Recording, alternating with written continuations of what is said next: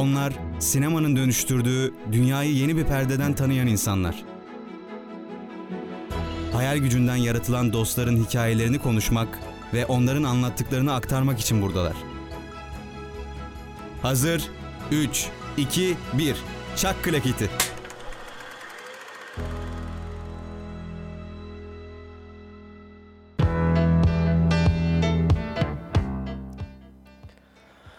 Merhaba sevgili radyo dinleyenleri. Bugün Klaket'in yeni bölümüyle karşınızdayız canlı yayında. Yine ben Can Kahraman ve arkadaşım Barış Kösem yanımda. Barış nasılsın? İyiyim Can sen nasılsın? Ben de iyiyim. Şu an şöyle bir sıkıntım var. Nasıl bir sıkıntın var? Kulaklıktan kendimi duyamıyorum. Kendini duyamıyorsun kulaklıktan. Seni de duyamıyorum. Olsun artık sen Olsun normal artık. normal konuş. Normal duymadan, duyarım. Duymadan. Ee, niye duymadığın konusunda bir fikrim yok. O dedim ama bir şeyleri yanlışlıkla oynamış olabiliriz. Ee, Olsun. Ara verdiğimizde gerekli teknik Sesimiz gidiyorsa almak problem için. yok. Bana geldiğine göre Sana geliyor, duyuyorum tamam ben. o zaman. Aynen sesinde bir sıkıntı yok. Duyuyorum sesini. Umarım Nasıl, nasıl geçti senin haftan? Birazcık zor bir haftaydı sanırım senin için. ne açıdan? Sağlık problemleri yaşadın sanırım birazcık. Evet biraz sağlıksal problemler yaşadım. Yaşamadım değil. Ee, bronşit olmuşuz. Ee, bronşit olmak tabii bir sıkıntı yarattı bizde. Ee, bir de anemi hastalığım ortaya çıktı. Onunla da uğraşmak durumunda kaldım. Neyse ki tedaviye başlandı. Bronşiti atlatmak üzereyim hala ara ara ilaçlar alsam da. Onun haricinde başka ne yaptım bu hafta? Bir sıkıntı yaşadığımı zannetmiyorum. Acaba yaşadın mı? Acaba? Ama asıl haberler sende. Bende mi? Sen de bu hafta radyo ile ilgili aldığın geri dönüşleri bize Evet. anlatacaktın. Harika geri dönüşler alıyorum. Bir kere insanlar dinliyorlar. Bu çok önemli. Yani e, o kadar kıymetli ki herkes için zaman artık. Öyle bir hız çağındayız ki insanlar bir şeylere zaman ayıramıyor normalde. Ama programımızı dinliyor olmaları hem çok mutlu ediyor. Hem de e, uzun süredir görüşmediğim bir arkadaşımdan da yine aynı arkadaşım değil bu, ke- bu kez. e, yine bir geri dönüş aldım. O da çok mutlu etti. İki programı da dinledi. E, sesimizin iyi geldiğinden falan bahsetti. Çok hoştu yani. O mutlu etti açıkçası beni. Peki bu arkadaşınız hanım mıydı? Bu kez hanım da evet. Kendisine buradan selam söylemek ister Selam misiniz? selam söylüyorum evet. Ben de çok selam söylüyorum. İsmini öğrenme şansımız var mı yoksa gizli mi? Yani şimdi ona söylemeden ismini söylemeyeyim ya. Tamam. Ama o anlayan anladı. Tabii tabii ben teşekkür herhalde. ediyorum ona. Gerçekten sağ olsun dinliyor. Ben de çok teşekkür ediyorum. Benim için bir şey söylememiş olsa da. Yo ik- ikimizin de sesini çok beğendiğini söyledi. Sağ olsun. Benim biraz aşağıda kalıyormuş ama bu, bu program onu halletmeye çalışacağız. Şu an harika geliyor. Şu ana kadar şu ana kadar çok iyi. Öte yandan e, sağlık problemleri haricinde e, ben de bazı dönüşler aldım. Programımızı olabildiğince yaymaya çalıştık ve rating rekorları kırdık adeta. Bu bizi mutlu edip daha da motive etti. Ve bugün Ahmet Özel programıyla Parazit'i ve Cinayet Süsü'nü konuşmaya karar verdik daha sonra. Yani şimdi şey e, Spotify'dan sonra SoundCloud ve Spotify'dan sonra artık Google Podcast'te de yer alacağız. Biz de bir parazit gibi Aynen her yere, Yayılıyoruz. her yere bir yayılma söz konusu. Artık dinleyemedim diyenlerin kötü niyetli olduğunu anlarım. Çünkü her yerdeyiz. Yani dinlenebilecek her yerde klaketi ve tabii ki radyoyu bulabilirsiniz. artık e, Google'a radyo yazıyorsun biz çıkıyoruz. Aynen. he. Google Yani- yani artık Bir Can Bonomo çıkıyor podcast falan bir de biz çıkıyoruz. Başka ya kimse. artık klaketin kelime anlamı değişti. Radyoda bir radyo programı oldu yani. Klaket yazınca o çıkıyor. Lütfen olabildiğince dinlemeye devam edelim ve hemen programımıza Parazit ile başlayalım. Sen mi başlamak istersin yoksa ben mi başlayayım? Vallahi istersen başlayayım. Başla ben isterim. İyi başlayayım. ya öncelikle film e, çok fazla incelenebilecek yanı olan bir film. Biliyorsunuz ki Altın Palmiye'yi de kazandı Cannes'da.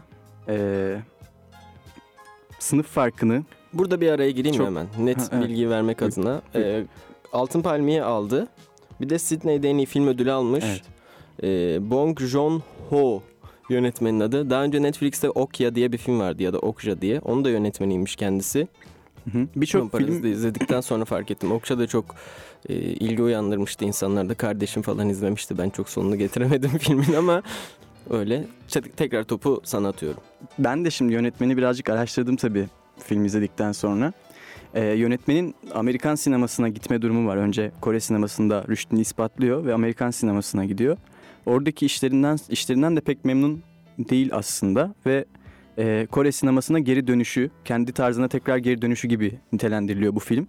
10 yıldır ilk defa Korece film çekmiş. Evet. Bırakmış yani Korece filmi. Tekrar bir öze dönüş diyebiliriz. Ki filmde de e, bu Amerikanlaşmanın, Kore'deki Amerikanlaşmanın eleştirisini çok net bir şekilde görüyoruz. E, sanırım şey gibi, sen de e, bahsetmiştin. Das Leben Derendere'nin yönetmeni, Doner Smak. evet Never Look Away ile geri dönmüş Evet, kendi aynen, sinemasına. aynı Ondan şey. bahsetmek ister misin biraz? Şimdi ondan şöyle bahsedeyim. Ee, onunla ilgili bir e, yazı kaleme aldım. Yakında Van Art Movieva kanalında yayınlanır. Ee, orada benim dikkatimi çeken yönetmenin kendi içinde büyüdüğü ortamla ilgili yaptığı filmlerde daha başarılı olmasıydı. Bunun aynısını Parazit'te de gördüm ben şimdi. Ok Okşay'ı da izledim. İzlemiştim daha önce. Bunu da izleyince bu çok daha başarılı bir film ona oranla. Zaten Alt- Altın Palmiye de almış. Bununla ilgili bir e, Aristo'nun meşhur bir mimesis kavramı var. E, Aristo diyor ki sanat taklitten doğar. Peki biz neyi taklit ederiz insan olarak? Geçmişimizi veya şahit olduklarını yani şu an şahit olduklarımızı. Fakat şimdi dediğimiz şey sürekli olarak geçmişe dönüşü, dönüşüyor. Buna da ben geçmişin sallanan kuyruğu diyorum. Çünkü böyle bir salınım halinde sürekli geçmiş oluyor şimdi. Benim çok etkilendiğim bir Evet, tabirdi. onu sevdin. Dolayısıyla da sanat deneyimlenmiş olanın taklidinden doğduğunda iyi bir eser meydana getirmiş ol- oluyorsun. Yani şunu şu cümleyle kısaltmıştım. Her iyi eser otobiyografiktir. Çünkü deneyimlenmiş olanın taklidinden doğar Evet. demiştim Bunu da çok beğenmiştim İçimden. biliyorsun. içimden. Şimdi bir örneğini daha burada görmüş olduk. İçinde yaşadığı e, siyasal sosyal durumu e, biraz bürlesk yani bürlesk e, bir şeyi karikatürize ederek hicvetmek diyebiliriz. Hani üzerini kalın çizgilerle çizip bakın burada bir şey var demek diyebiliriz bürlesk için. Ama film şey de yapmıyor yani bir slogan atmıyor böyle bir. Yo yo bu sloganla ilgili değil. Mesela karakterleri hemen tanımlayabiliyorsun. Hı hı. Yani e, burjuva karakterleri direkt burjuva olarak konumlandırabiliyorsun. Onların derinliği çok yüksek değil aslında. Bürlesk o oluyor biraz da. Hani çok aslında şey e, Brechtyen bir tavır Evet. var filmin o açıdan. E, onların gestusları var. Gestus'ta karaktere yani karakterin sürekli olarak tekrar ettiği jestler ve mimikler diyebiliriz. Kendi sınıfını belli edecek. Brecht bunları tamamen sınıfsal olarak gösteriyordu. Yani işçiler böyle davranır ki hani e, izleyicinin gözünde net olarak otursun ve sınıflandırabilsin. E, sınıf bilincini oluştursun diye. O açıdan bakınca film çok Brechtyen. Yani Evet. e, sınıflar arasındaki farkları hemen görebiliyorsun. Karakterleri hemen ayırt edebiliyorsun ve ne yapacaklarına sınıfsal e, bir algıyla karşılık veriyorsun. Diyorsun ki bunu şu an bunu yapabilir, bunu yapabilir. Neden? Çünkü bu fakir bir aile, bu zengin bir aile diyorsun. Dolayısıyla yaptığı şeyler e, biraz ön yargı da olsa, zenginlere karşı ya da fakirlere karşı e, edindiğin ön yargı ile ilgili de olsa tahmin yürütebiliyorsun. Ama film sonunda da e, bu zenginliğin nasıl elde edilebileceği konusunda bize bir tokat vuruyor sanki. Öyle bir durum da var. Yine de sonuna Evet. gelmeden önce bir e, şeyden bahsetmek istiyorum. Bu sınıf farkı dedin ya. Sınıf farkı filmde özellikle yukarıda ve aşağıda diye konumlandırılmış birçok sahneyle bize yansıtılıyor. Şimdi e, ana karakterimizin yani bu fakir ailenin oturduğu yer e, şehrin aşağı kısmında kalırken böyle merdivenlerden yukarı çıktıkça zengin ailenin oturduğu eve varmış oluyorsun. Ve de birçok sahnede işte e, zengin ailenin çifti koltukta otururken fakir aile masanın altına gizlenmiş. Birisi yatağın altına gizlenmiş. İşte bir başka hizmetçinin kocasıyla kendisi bir bodrum katında yaşıyor falan gibi böyle e, birçok yukarı aşağı ilişkisi var. Hemen bir araya girebilir miyim lafını kesmeyeceksen? Tabii. E, bu masanın altında saklanıyorlar dediğin yerde e, adam karısıyla bir yakınlaşma içindeyken orada fakirliği e, bir tür fantezi olarak da görüyoruz. Aslında gerçekten o kadar e, uzak bir andalar. Şimdi orada fakir insanların yaşadığı zorlukları yaşar görürken e, zengin burjuva diye nitelenen insanın onu bir oyun olarak görmesi, kendi hayatında bir renge çevirmesi de o sınıfa karşı ne kadar duyarsız olduğunu gösteriyor bence. Sen ne düşünüyorsun Evet, bilmiyorum. evet. Ya katılıyorum ben de sana. Ee, güzel bir yorum getirdin. Böyle düşünmemiştim ama şu an katıldığımı hissettim. Şu an yani. mantıklı Şu an geldi. mantıklı geldi. Şöyle bir e, durum da var. Şimdi fakir nitelediğimiz insanlar bile yerin altında bodrum katında yaşarlarken ellerinde son model telefonlarla videolar çekiyorlar. Sürekli bir telefon görürüz. Filmde böyle teknolojiyle alakalı da bir eleştiri var. Ee, en fakir ailede bile evinde internet yok bir şey yok ama yine de son model telefon var ve e, evdeki tek gayeleri, tek amaçları o telefonun çekebilmesi, internetin çekebilmesi, öyle bir yerde konumlanmak. Bununla ilgili de yine çok ironik bir sahne vardı. E, filmin başında da bu internet çekiyor çekmiyor muhabbetinden internetin çektiği yeri ararlarken yerin altında yani bodrum katında yaşadıkları evin e, tuvaletinde zeminin üstünde kalan bir klozetin yanında internet çekiyordu. yani ve bu kadar ironik bir anlatım e, benimsemiş olmalarını aslında ben beğendim ama Ama bir de o klozetin orası evde su basmayan ve kızın e, gidip sigara içtiği de tek yer Evet, oluyor. evet. Yani lağım basıyor. doğru. Evet. evi ve orada kız yine lağımın üstünde kalabiliyor. Çok enteresandı. Ee, yine yani bu toplumsal sınıf farklarının, yukarı aşağı ilişkilerinin bu kadar da keskin çizgilerle çizilmemesi gerektiğini bence düşündürtüyor o sahne bize. Filmin e, bu ailenin yaşadığı ev de konum olarak çok enteresan. E, ufak bir pencereden dışarıyı görüyor ama dışarıda gördüğü yer bir çıkmaz sokak. Ailenin neden böyle bir alengire, böyle bir e, ne derler sahtekarlığa başvurduğunu da gösteriyor. Filmin konusunu da ufacık anlatırsan eğer hani bu çıkmaz sokak sokağın onları neye sürüklediğini anlayabiliriz. O su basma durumunu mu Yok yok e, hani arkadaşı diyor ya sen İngilizce öğretmeni olarak git. Ondan sonra olay Ha, teşkilatlanmaya evet, dönüyor. evet evet Yani o çıkmaz sokaktaki insanların yapabileceği bir doğru. şey ol- olabileceği için diyorum. Şöyle filmin başında bu ailenin hiç parası yok ve e, böyle geçiştirici işlerle bir şekilde yaşamaya çalışıyorlar. Bu işlerden birisi işte bir pizza şirketinin e, siparişleri götürdüğü o kağıt kağıdın içine koyuyorlar ya siparişi ne deniyorsa artık ona yani şu an bilemedim. Paket, Pizza kutusu pizza işte. paketi aynen o paketleri katlama işini yaparak geçimlerini sağlamaya çalışıyorlar. Böyle bir iş olduğunu da ilk defa filmde gördüm bu arada. evet ben de ilk defa gördüm ve hatta patron bunu kötü katlamışsın diyerek para falan kesiyor maaşından kesiyor böyle. Ee, öyle bir iş yaparak geçimlerini sağlamaya çalışıyorlar ta ki e, maddi durumu biraz daha iyi olan ana karakterin bir arkadaşı o evde İngilizce öğretmenliği yapıyor evin kızına. O gelip işte ben yurt dışına gidiyorum gel benim yerime sen ben seni önereyim sen burada işe başla diyor. İşte o önerinin de etkisiyle beraber işe alınıyor bu çocuk İngilizce öğretmeni olarak. Tabi sahte evrak falan işleri var o arada çok da detay, detaya girmeyelim. Ee, orada Özendirmeyelim. Evet insanları özendirmeyin. Biz iyi bir programız. Ee, daha sonra şöyle bir durum var. Ee, orada bir çocuk var evin küçük oğlu. Sanata falan ilgisi var ama böyle yerinde duramıyor. Kızılderili gibi sanıyor kendisini. Annesi de buna bir çözüm bulmak istiyor. Sanat terapisi falan filan diye konuşurlarken aa benim bir e, benim bir işte kuzenimin bir tanıdığı var. Onu ben eve getirteyim diyor. Halbuki kardeşi. Kardeş. Kardeşini de işte o çocuğa bakması için eve getiriyor. Sonra planlar falan filan derken işte babasını şoför olarak getiriyor. Ee, annesini hizmetçi olarak getiriyor ama evin sahiplerinin bunların bir aile olduklarından Haberleri, haberleri yok. Burada, Burada da, da hangi kavram işin içine giriyor? ironi. İroni. İroni ama ikinci bölüme bırakalım çünkü o daha uzunca bir konu. Evet. Şeyde peki bu hani dedin ya herkesin elinde bir telefon falan var. Hı hı. Bu bir Amerikan rüyası diye bir şey var ya herkesin e, ekonomik refaha ulaşabileceğini düşündüğü kapitalist bir dünya. Peki bir Kore rüyasından bahsedebilir miyiz burada? Yani bence bahsedemeyiz gibi geliyor bana.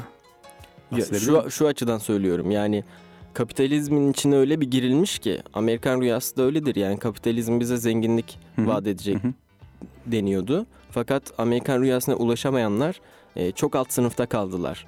Bu aileninki de bir Kore rüyasını yaşayamamış bir aile aslında. Ha evet. Oraya Doğru. oraya hala özeniyor ve gerçekleştirmek e, istenci taşıyan bir aile. Zaten o özenme durumu, zenginliğin çekiciliğine özenme durumunu da yine bir benim düşüncemle tabii metaforla anlatıyor film bize. Hangi metaforla? Taş. Taş.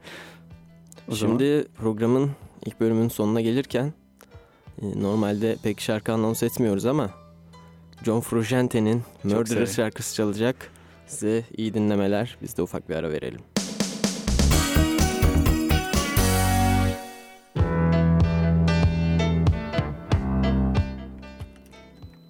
Evet, e, Barış'ın çok sevdiği şarkıyla geri döndük. Hiçbir şey de anlamadım şarkıdan. ne bir laf var ne bir söz var ama güzel. Neydi adamın adı? John Frusciante. Frusciante. Frusciante. John Frusciante şöyle e, neden seviyorum bu şarkıyı? Çok stabil. Yani Çok- Sade mi, stabil mi? sade değil bence çok stabil ya. Çok yani gidiyor. Hep aynı gidiyor şarkı. Hiçbir farklılık yok. Ve her şey... En sevmediğim şey. Hayatta da hiç sevmem. Ya ama öyle değil mi? Hep başladığı gibi biten şeyler olur hep hayatta da. Ama arada işte bir şeyler olması gerekiyor ya. Bir filmi Oo. film yapan mesela nedir? O aradaki o mini şeyler. mini şeylerdir yani. O Doğru. minik minik şeylerdir. Ama bu sinema değil bir yandan. Öyle bir... Ama müzikte de ben motifin e, şeyine, anlamına, e, ilgi çekiciliğine çok Doğru. inanıyorum. Onu zaten bir sonraki şarkılarda ve benim yine sevdiğim o son şarkı neydi adı? Koca bir saçmalıkta Koca da bir saçma. bol bol göreceğiz. Onu keşke yapmasaydın. Niye? Normalde böyle bir şey yapmamız çok doğru değil. Neyse öyle bir şarkı çalmayacağız. Niye ki ya? Neyse sonra programdan sonra ben sana bunu açıklayacağım. Bunu neyse. Ee, Peki. kaldığımız yerden devam edelim. Barış'ın büyük gafından sonra ba- devam edelim. Nerede kalmıştık Barış? Taş. Taş. Evet sen bize taşı anlatıyordun. Şimdi şöyle filmin başında e, eve gelen bir misafirimiz var. Bu ana karakterimizin arkadaşı. Bu karakter bu misafir. E, misafirin eve hediye getirdiği bir taş var. Taş gibi, kaya gibi bir şey var. Hı hı. Bu hediye olarak getirdiği taş bir süre sonra e, şöyle bir sahneye sebep oluyor. İşte annesi diyor ki taş yerine yemek getirseydi daha iyi olurdu bizim için falan gibi şeyler söylüyor. Yani diyor ki taş mı kaynatalım diyor biz. Aynen, aynen tam olarak onu diyor. Sonra e, bu taşın aslında e, o misafir bunları bu eve soktuğu için aslında çocuğu soktuğu için eve bir yandan da e, zenginliği getiriyor gibi. Zenginliğin çekiciliğinin ama elde yani bir şeyler için uğraşmadan çalışmadan elde edinilmiş zenginliğin çekiciliğini anlatıyor gibi. Sembolize ediyor gibi geldi bana. Taş olmaz. Dışarıdan gelmesi mi taşın? Taşı getiren kişinin o evle bağlantıyı kuran kişi olması ve taşı verirken zenginliği sembolize ettiğini söylüyor. Hı hı. O yüzden de bu taşla da ilgili ana karakter şey diyor işte ben bu taşı nereye gidersem hep yanımda taşıyorum. Hiç ondan kopamıyorum. Bunu bir Diyor. istenç olarak görebilir miyiz acaba? evet işte ze- evet. İstenç dersek yani zenginlik istenci, arzusu. Evet evet diyebiliriz bence de. İçi- içini kemiren şeyi taş olarak sembolize Ama bu zengin, miyiz? zenginlik istenci gitmiyor ya en sonunda da. Hı hı. Ee, sanki bu zenginlik istencini şöyle bir sınıflandırabiliriz gibi gelmişti bana. İşte e, kolay yoldan zenginlik istenci. Sonra filmin sonunda taşı bırakıyor suyun Hı hı. içine. Yani suyu da bir akış olarak düşünebiliriz. Akışın içine bırakıyor. Yani hayatı kendi akışına bırakıp ben çalışıp da zengin olacağım demeye başladığı anda aslında taştan da kopmuş oluyor. Yani filmin ahlaki bir mesajı da var sonunda. Var ama bir yandan da bu çalışarak zengin olma durumunu bir ütopya gibi göstererek e, Ütopya mı sence?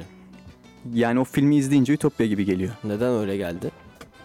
Çok e, şöyle bir durum var. Film, Aksi durumdaki sonunda yani aksi durumu yaptığında da felaketlerle karşı karşıya geliyorsun. evet zaten aksini yapmayı olumlamıyor film. Onu söylemiyorum O zaman ne diyor? Böyle kalacaksınız mı hep diyor. Kötüyü de yapmayın, iyisi de zaten olmaz. O zaman bodrum katınızda oturun mu diyor. Yani bilmiyorum daha gerçekçi hayaller kurun diye olabilir. Ne gibi? Ya o kadar ütopik bir zenginliğe gerek yok. Sen kendi hayatı standartlarını yükseltebilecek bir seviyeye gel. Şimdi. Barış'cığım bir villada otursak kötü mü olurdu ya? Yani güzel olur. burada burada beni bak herkese yalan söyle. Burada bana burada bana yalan söyleme şimdi. Şurada çıksak konuşsak abi desem bir 2 milyon dolarlık bir villam olsa da havuzunda yüzsem diye burada konuşacağız. Gelmişsin daha gerçekçi hayaller kuralım. Yani insanoğlu daha gerçekçi hayaller kuramaz. Bunun adı hayal zaten. İdeal, ideal yani gerçekleştirmek istediğin bir şeyle hayal arasında bir fark var. İşte ütopik ama. Filmdeki sıkıntı hayal zaten ütopik olur. Bak hiç sevmediğim bir, bir şarkıcının senin çok sevdiğin ben de seviyorum da istikrarlı hayal hakikattir diye bir sözü var ya. Benim onunla kötü bir anım var ya. Evet. Neyse çok da değinmeyeyim. Çok da kötü bir an değil ya. Gayet güzel bir an hatta. Ama bir yandan pişmanlık. Anlatsana bir ufacık Anlatayım bir, mı? ufacık bir anlat. Ya işte Zeytinli'deyiz bu festivalde. Bir birisi bir kadın geldi yanıma. Ben de gayet kim tanımam etmem. Kim bilmem yani. Geldi elinde de bir şey yoktu. Benim elimde bir, benim elimde bir içki vardı. Ne olduğunu söylemeyeyim şimdi bilmiyorum çünkü doğru mudur değil midir söylemek. Limonata vardı Barış'ın benim, elinde. benim elimde limonata vardı. Sarı bir şey böyle. Sonra e, geldi böyle dedi bir yandan bir biraz içebilir miyim falan. Ben de verdim içti. Konuşuyoruz ediyoruz şey dedi işte gayet suyu beğeniyor musun? Dedim bilmiyorum tanımıyorum. E şarkılarını dinledin beğenmiyor musun? Yo dedim dinlemedim burada dolaşıyordum ben. Kulak misafiri oldum dikkatli dinlemedim dedim falan. İyi dedi o zaman işte bir e, Gaye Su'nun fotoğrafına bakar mısın dedi. Dedim şu an bakamam. E peki o zaman dedi hani sonra bakarsın dedi falan. Hayır yani bu ısrar da Ha, senin, aynen. senin de bakmama ısrarın enteresan. Yanında bir Sarhoştum telefon var. Sarhoştu. Ya açıp bak aşk sarhoşuydun ben seni biliyorum Barış o zaman. Evet olabilir. Ama şey aşk sarhoşu birazcık.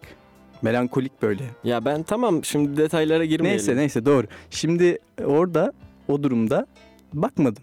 Daha sonra zeytinli bitti. Ben döndüm Mordoğan'a gittim falan filan. Instagram'da dolaşırken bir baktım Gaye Su. Gaye Su'nun kendisi. Yani öyle bir pişmanlık ki anlatamam yani. Keşke konuşabilseydim orada onunla birazcık vakit geçirebilsin. Çünkü sonradan hayranı oldum. Çok güzelmiş şarkıları. Kendisi de çok güzel. Demek ki şans ayağına kadar gelince ve bir şey zorlayınca onu reddetmemek lazım. Evet o zaman ailenin yaptığını doğru karşılayabilir miyiz? Ama orada bir şeylik var işte. Etik dışı durum var. Başkasının bir şekilde edindiği mala göz koymak var. Yalan bir hayat yaşamak Aslında var. Sen göz- gayet suyla konuşarak yalan bir hayat yaşamayacaktın Barış. Aslında göz koymuyorlar. Filmin bütününe baktığımız zaman tek istedikleri rahat, konforlu bir e, hareket alanı sağlamak. Yani mallarında veya daha zengin olmak gibi bir şeylerini çalayım edeyim gibi bir şeyleri yok. Sadece Onlar yaşam yaşam şeklini çalmaya çalışıyorlar aslında. evet. O da bir şey. Ya tabii doğru bir şey olduğunu söylemiyorum. Ada ins- insanların limonatalarını işte şeylerini içiyorlar o evde değillerken. Ya şimdi ben sana da sorayım. Filmin sonu sence ümit mi veriyor, karamsar mı? Bence ikisi de değil. Şey durumu var işte. Yani hani e, şeyde konuşmuştuk ya. Kara komiklerde de konuşmuştuk. Joker'de olmayan şey. Ne olursa olsun siz iyi insan olup hani onurunuzla yaşamaya devam edin diyor. İşte böyle şey durumlara girdiğin zaman alengirli böyle insanları tufalamaya bu onların yaptığı yani ailenin ailenin şeyini anlatacak olurken hani kültür seviyesi öyle olduğu için onlar da tufalamak olarak bakıyorlar. O yüzden onların dilinden konuşuyorum biraz. Yaptığın zaman sonu felaketlere çıkabilir. Yani o hikayenin mutlu sonla bitmeyeceği zaten çok belli. Yani bir evde ne kadar herkesten gizli bir yaşam sürebilirsin? Ki yani mutlu sonla bitse çok yanlış bir söz olmuş Evet. olurdu filmin. Şey de var, e, çok özür dilerim. Bunu da söyleyeyim sonra hemen çekileyim.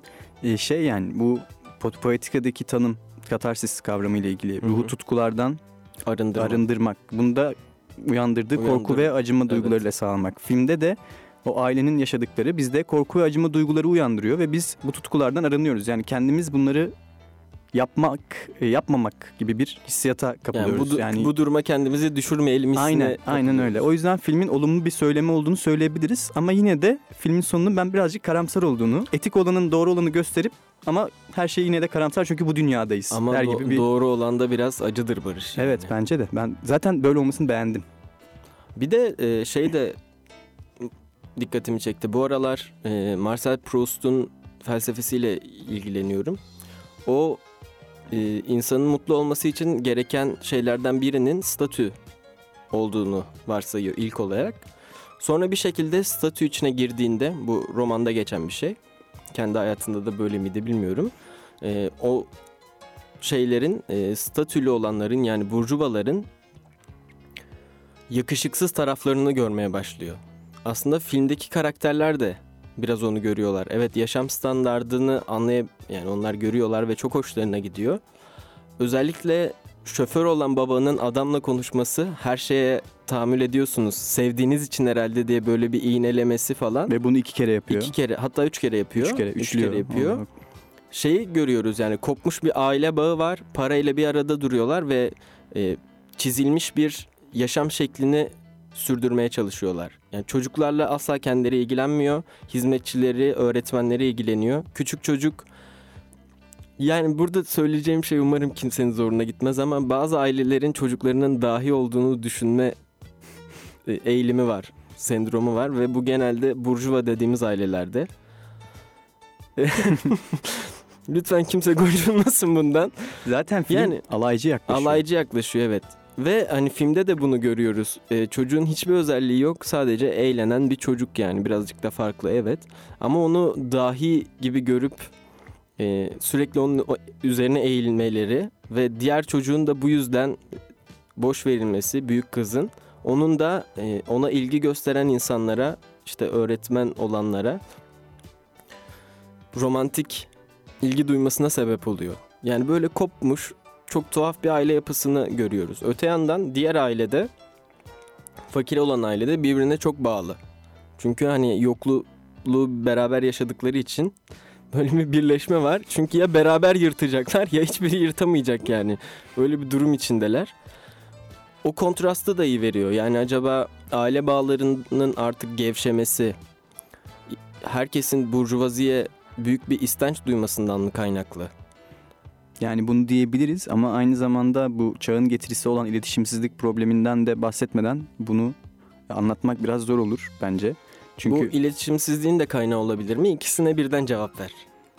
evet olabilir. Yani bu da olabilir ama tek başına bu değildir diye de düşünüyorum bir yandan. Birçok sebep vardır tabii ki ama bu da sebeplerden bir tanesi bence de. Ee, inanılmaz bu programdan önce de konuşuyorduk seninle böyle bir hız çağındayız. Ve bu hız çağında da gittikçe insanlar e, hızlı hızlı basamakları atlamak, geçmek ve bir yere varmak istiyorlar. Ama vardıkları yerde de hiçbir zaman tatmin olmayacaklarını aslında hepimiz biliyoruz. E, bu bunun da getirisi olarak sürekli insanların çok bencil düşündüğünü, tabii bencil düşünmesi yeni bir şey değil, bu döneme ait bir şey değil. Ama daha da arttığını söyleyebiliriz. İnsanların çok bireysel olduğunu, bunun hatta sanata da yansıdığını görebiliyoruz açıkçası. E, film bu konulara özellikle sanata da alaycı bir yaklaşımı var açıkçası ama genel olarak sanata demiyorum. O e, sanatmış gibi yapılan sanatlara bir alaycı yaklaşım var. Aa burada bir metafor var gibi sahnelerle. Aa burada şunu anlatmış gibi böyle alakasız cümlelerle dalga geçiyor. Ee, o açıdan tonunu seviyorum ben filmin ve dediğin şeyde katılıyorum ama bir yandan e, şunu da söylemeden geçemeyeceğim. Yönetmenin de bir röportajında e, bu sinemadaki sahnedeki anlatımıyla alakalı Kore'nin zaten genel olarak televizyon programlarında, dizilerinde falan da alaycı bir yaklaşımı olduğunu, işte Evet. alaycı bir ülke olduğundan falan bahsediyor. Çok kısa bu alaycılıkla ilgili bir sahne örneği vereyim.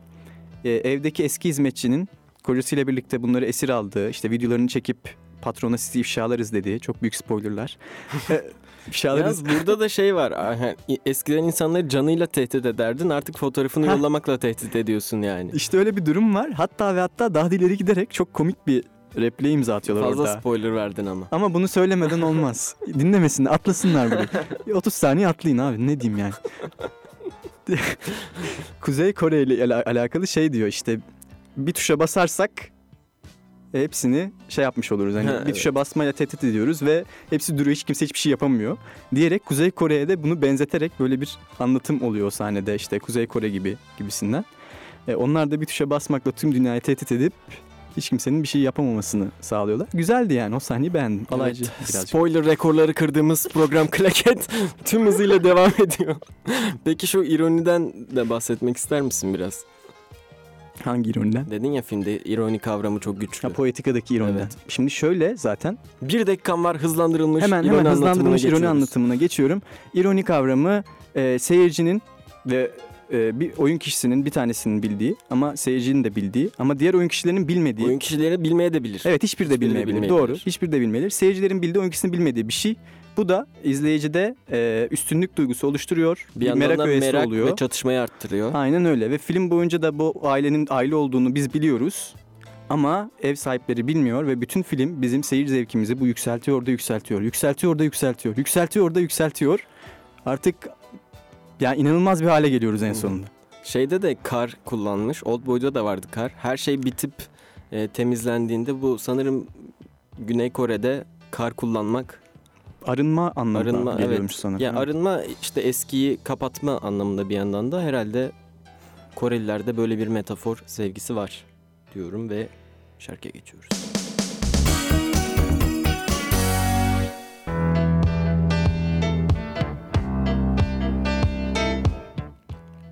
Evet, e, spoiler vermekten usanmayan program Klaket tekrar ne yapıyor? Devam ediyor. Abi izleyip de gelsinler ya. Bir hafta önceden söylüyoruz abi biz. yani, Yani. daha ne yapalım yani? Ama izleseler iyi olabilir. Bulamasalar bir şekilde temin de ederken Yeter ki bize ulaşın. Nereden ulaşabilirler? Instagram, Plaket Instagram, Radyo Plaket Radyo'dan hemen çıkıyoruz. hemen. Plaket Radyo. Mesaj atın hemen. bir dakika içinde dönmezsek paranız iade. Bir dakika içinde dönmezsek takip bırakın ve programı Rütü'ye şikayet edin. Ama Rütü'ye. Ama Rütü'ye aynen. Senin illa da benim eee, şey yapacağım. Ne şey yapacağım. İlla da değineceğim bir nokta var dedin. Evet. Ona bir değin. Çünkü kendi böyle özellikle o çıkarımı yaptığımda çok mutlu hissetmiştim. Ve bir film çünkü film okuyanlar bilir ki belki okumayanlar da bunu hissettiğinde bilirler. Böyle bir filme dair bir şeyi belki yönetmen onu düşünmeden yaptı o saniye ama bir anlam yükleyince o bir şeye ve bu anlamı da güzel bir temele oturtunca o çok değerli oluyor insan için ve onu çok mutlu ediyor. Bu bir şeyi gerçekleştirme hissi veriyor. Bir filmin başında, filmin açılışında tavanda asılı olan çoraplar var. Kuru, kurusun diye asmışlar tavana böyle. Ee, işte filmin devamında biliyorsunuz bahsettik az önce evi lağım suyu basıyor falan filan yağmurun etkisiyle bilmem ne.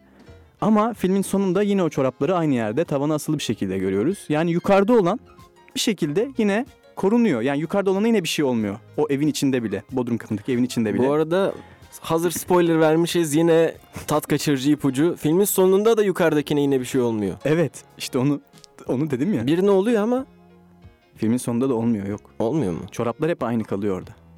Emin misin? Evet evet eminim. Tamam.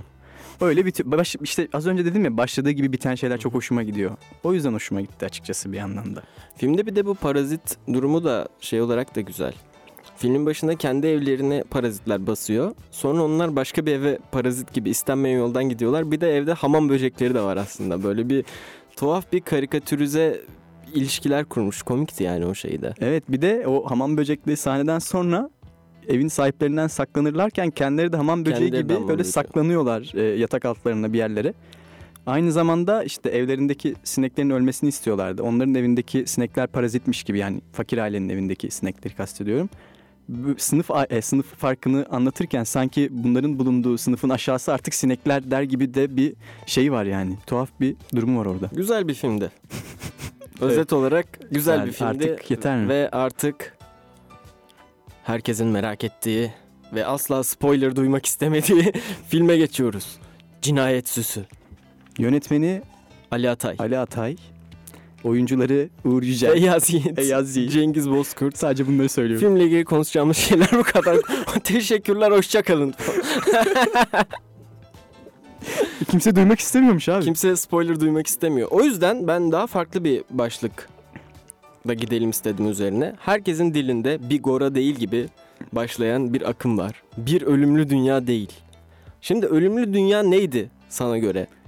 Ölümlü Dünya bu İngiliz kara komedisinden beslenen birazcık ama aynı zamanda e, yani Türkiye'de normalde çok sık rastlamadığımız bir türde filmdi Ölümlü Dünya. Aynı zamanda da Anadolu'nun getirdiği o Yeşilçam'ın getirdiği o Anadolu'nun sıcak havasından da beslenen bir şey olması. Bu ikisinin harmanlaması sebebiyle de böyle ortaya tatlı komik bir şey çıkıyordu.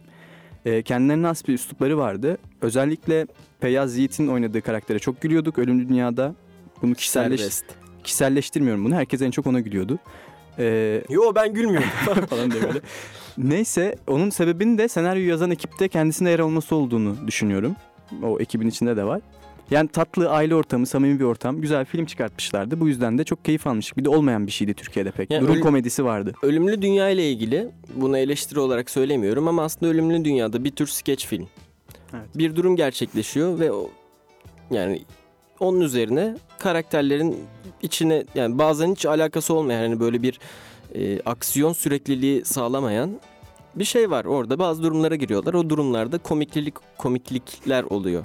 Şimdi bu bir formül. Bu formülün aynısını ben Cinayet Süsü'nde de gördüm.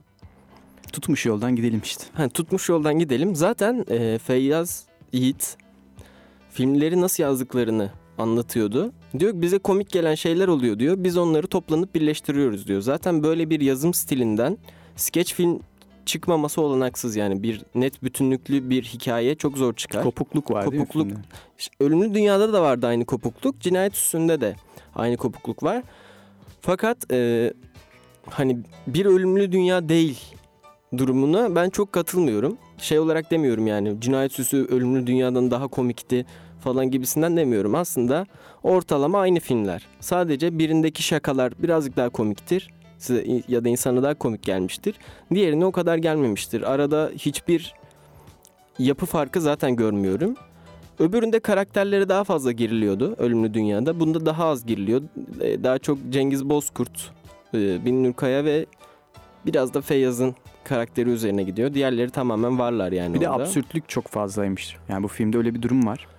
Yani ben absürtlük Onu olduğu- eleştirenler varmış yani. Absürt durum yok yani bence. Ben ben de pek Hani katılmıyorum ben bu fikre ama absürt olduğunu düşünmüyorum. Tabii ki bir absürt komedi de hani işte bir şeyler oluyor ve sonunda komiklikler oluyor. Bir arkadaşım şey yorumu yapmıştı hani sürükleyiciliği yok polisi olarak.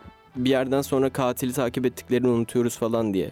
Onu yapsalar bu film olmaz zaten. O bir polisiye komedi. Başka bir şey bu polisiye yani ekiplerinde şunu seziyorum. Bir şey olsun biz kendi şakalarımızı döndürelim arada. ben de şeyi seziyorum birazcık bu Ali Atay'ın filmlerinde. Yani o ekipte daha doğrusu dediğin gibi. Böyle e, o an dediğin gibi buluyorlar. Biraz da ondan olsun, biraz da şundan olsun diyerek toplama film yapıyorlar gibi. Ama bu demek değil ki yani yapmak istedikleri şeyi yapamıyorlar. Evet, Yapıyorlar. Yani kötü değil. İşte sketch film. Türkiye'deki çoğu komedi filmi sketch film.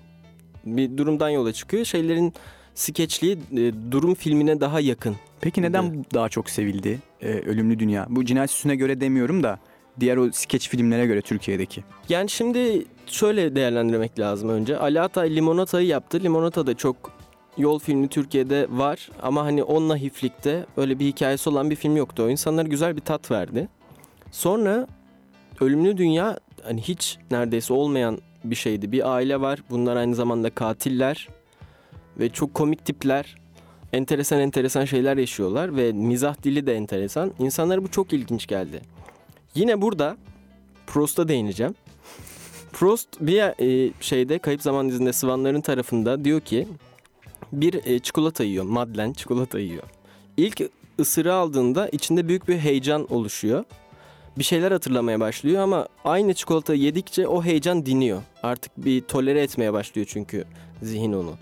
Ölümlü Dünya ile Cinayet Süsü arasındaki farkı da biraz böyle görüyorum. İnsanlar Ölümlü Dünya mizahını gördüler artık. Mesela ben Leyla ile Mecnun'u çok izliyordum. Dolayısıyla Ölümlü Dünya'nın mizahı bana çok ilginç gelmedi. Çünkü oranın bir yansımasıydı. Ölümlü Dünya ile ilk defa karşılaşanlar e, cinayet süsünden aynı lezzeti alamayabiliyorlar. Çünkü bu işte şey gibi bir çikolatayı yersiniz bir tane çok hoş gelir. Aynı çikolatayı ikinci defa atarsınız. Eh gelir. Bir tane daha yapsa cinayet süsü gibi bir şey o daha da kötü gelecek insanlara. Bu Cem Yılmaz'ın da başına gelen şey. İşte Gora gibisi gelmedi diyor. Halbuki tamam Gora komikti. Arok da çok komikti bence. Ama ilk tat alınan Gora olduğu için insanlar orada kalıyorlar genelde. Bunu bir, iyi anlamak lazım yani. Bununla ilgili şunu söyleyebilirim. Ben Arok'u daha çok beğeniyorum. Onu söyle. Diğer şeyler hiç yorum yapmıyormuş böyle.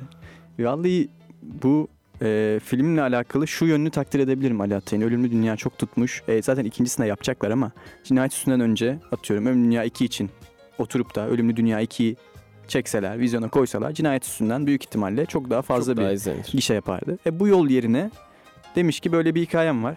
Aynı üslupla olsa da bir de böyle bir şey anlatayım demesi bir yandan hoş bence. Hoş. Bir de şey hani çok küfür kullanılıyor gibi eleştiriler vardı. Hani küfürler de bana şey gelmedi, eğreti gelmedi. Hani küfür olsun diye küfür kullanılmış gibi değil yani. Çünkü durumun içine durumun yerleştirilmiş. durumun içine yerleştirilmiş. Zaten karakterler ede- edebilecek karakterler. Yani küfür edecek bir polis düşünmüyorsanız ya da ya da küfür etmeyen herhangi bir insan düşünebiliyor musunuz? Biz hariç. Biz etmiyoruz normal Asla. hayatımızda da. Yani doğal olarak ederler. Tabii ki komiklik var işin içinde biraz abartı olan yerler var ama yani bu da komedi filmi. Zaten amaçları da tamamen şaka yapmak. Kimi gülüyor, kimi gülmüyor. Ki ben sinemada izlerken çok insanlar da çok güldüler yani. Benim rahatsız olduğum kısım Uğur Yücel'in sanki oraya durmaya gelmiş gibi bulunmasıydı. Çok az e, oyun, yani oy- oyun böyle büyük, büyük bir oyuncuyu daha çok izlemek istiyor insan. O da Uğur Yücel'in hatası değil. Ona öyle bir karakter verilmiş. Artık şey gibi e, her şeyden bıkmış polis amiri yani. Her şeyden sıkılmış böyle bir bitse de gitsek modunda. Çünkü sürekli cinayetle düşün şimdi yani 35 sene bir iş yapıyorsun. Her, sürekli bir cinayetle karşılaşıyorsun. İnsana da bir bıkkınlık gelir. Artık azar falan e, şey yapıyor. Emniyet müdürü mü? Azarlıyor. Tamam hadi devam edelim falan modunda. Artık hani Kese Ama- kağıdı olmuş adam yani. Ama onun karakterinde de bir farklılık var. Şey geldi aklıma işte. Ee, ne yazayım? Aşk yapma. Aşk yapma. Aşk yapma. İşte eski adam orada kalmış en son orada bırakmış yani. Yine- O sahne de çok komik ama burada seslendiremiyoruz. Evet yani şöyle yine üstüne gidilebilecek bir karakter bence. Evet ama Ama gitmemişler. gitmemişler. Evet. Bence burada Feyyaz'ın yazar olmasının bir şeyi var. Feyyaz kendine çok yazıyor. Komiklik olsun diye. Hep kendine çalışıyor burada. Doğaçlıyormuş biliyor musun? Yani birçok yerde tam yazıyor ama yazdıklarının dışında oynuyormuş. Engin Günaydın gibi. Yapmasa daha iyi. Çünkü yani bu filmde çok şey değildi Feyyaz. Ee, serbest gibi bir karakter değildi yani. Ona dikkat etmek lazım Feyyaz'cığım. Bir de çok acayip bir e, şey söylüyor. Bir filmi diyor seyirci anlamamış diye bir şey yoktur. Yönetmen anlatamamıştır diyor. E, bu çok iddialı bir cümle ve hani çektikleri filmler Limonata Ölümlü Dünya Cinayet Süsü. Bunu da seyirciye anlatamazsan zaten bırak yani sinemayı bırak git. Hani zaten ne anlatıyorsun? Aynen hani ne anlatıyorsun? Filmin ama enteresan güzel bir şeyi. Çok da enteresan değil ama hani biz o kadar görmediğimiz bir şey ki artık görünce enteresan geliyor. Bir komedi filminin toplumsal bir yaraya parmak basarak bitmesi. Çok e, dikkatimi çekti bu. Spoiler olmaması adına tabii ki söylemiyoruz. O Coşkunlukla söyle- spoiler veren Barış'ı şu an susturuyorum. Ama güzel. Özellikle ben şeyi de çok beğendim. O da yaratıcı geldi epey. E, cinayet mahalleleri çok güzeldi. Çok sanatsal tasarlanmıştı. Görüntü yönetimi de çok güzeldi. Evet ama işte genel bir e, Türk filminde olan şey birçok şey hiçbir şeye hitap etmiyor. Yani olsun diye var sadece. Şey Raykart mıydı? Nasıl okunuyor bilmiyorum. Ricard mı? Galatasaray'ın teknik direktörü Ha, vardı. Ricard. Sen geçen bölüm kulüpten bir alıntı yaptın. Ben de şimdi ondan bir Ricard'dan. Bir alıntı yapayım. Türk futbolu için ne demiş? Her şeyden biraz var ama hiçbir şeyden tam yok. Türk sineması da öyle. Evet maalesef. Çok çok iyi yönetmenlerimiz var bunu çok iyi yapan. Ama bir olay sinema çerçevesine geldiği zaman ne yazık ki aynı şeyden bahsedemiyoruz. Maalesef. Yani cinayet süsü bir ölümlü dünya değil diyenlere de Ölümlü bilmiyorum. dünya, ölümlü dünya ne ki Hani mi ölüm, diyorsun? ya ölümlü dünya kadar bir film işte. Zaten ne bekliyorsun ki?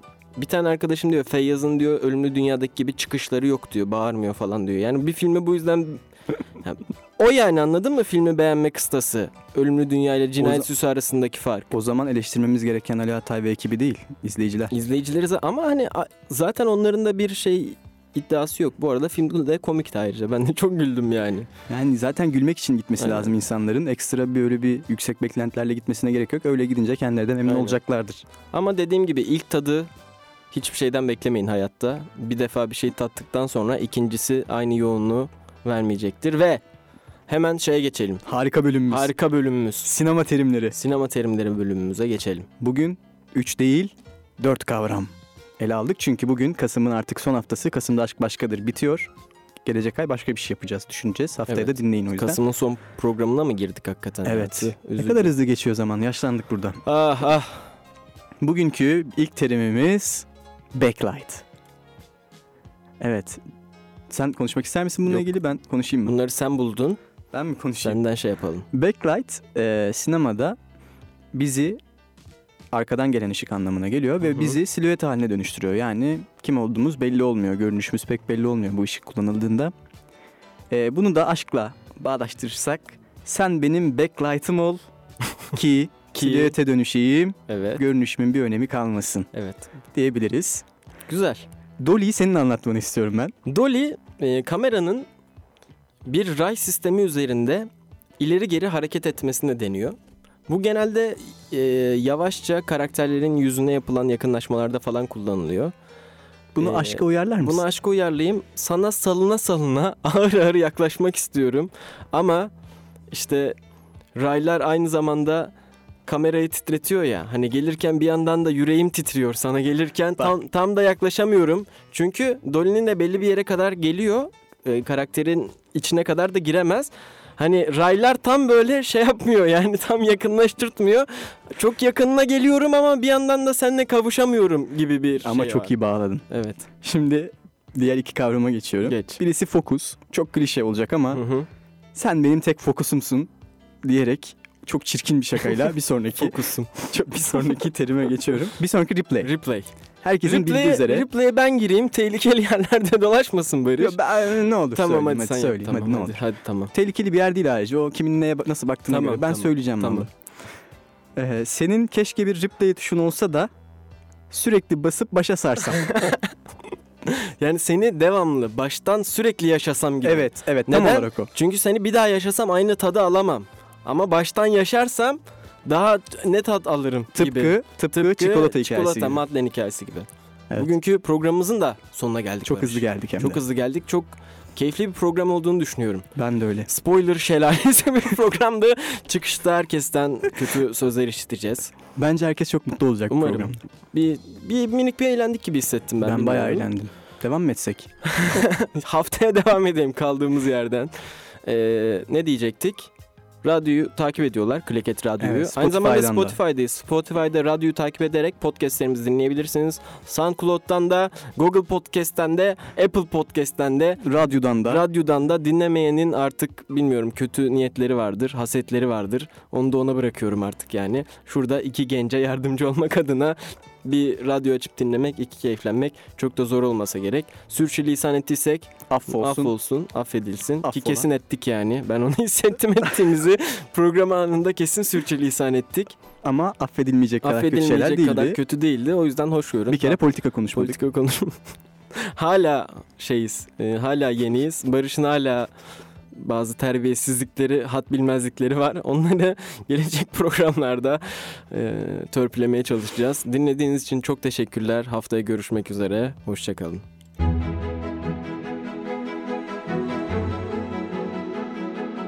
Onlar sinemanın dönüştürdüğü dünyayı yeni bir perdeden tanıyan insanlar. Hayal gücünden yaratılan dostların hikayelerini konuşmak ve onların anlattıklarını aktarmak için buradalar. Hazır 3 2 1 Çak klaketi.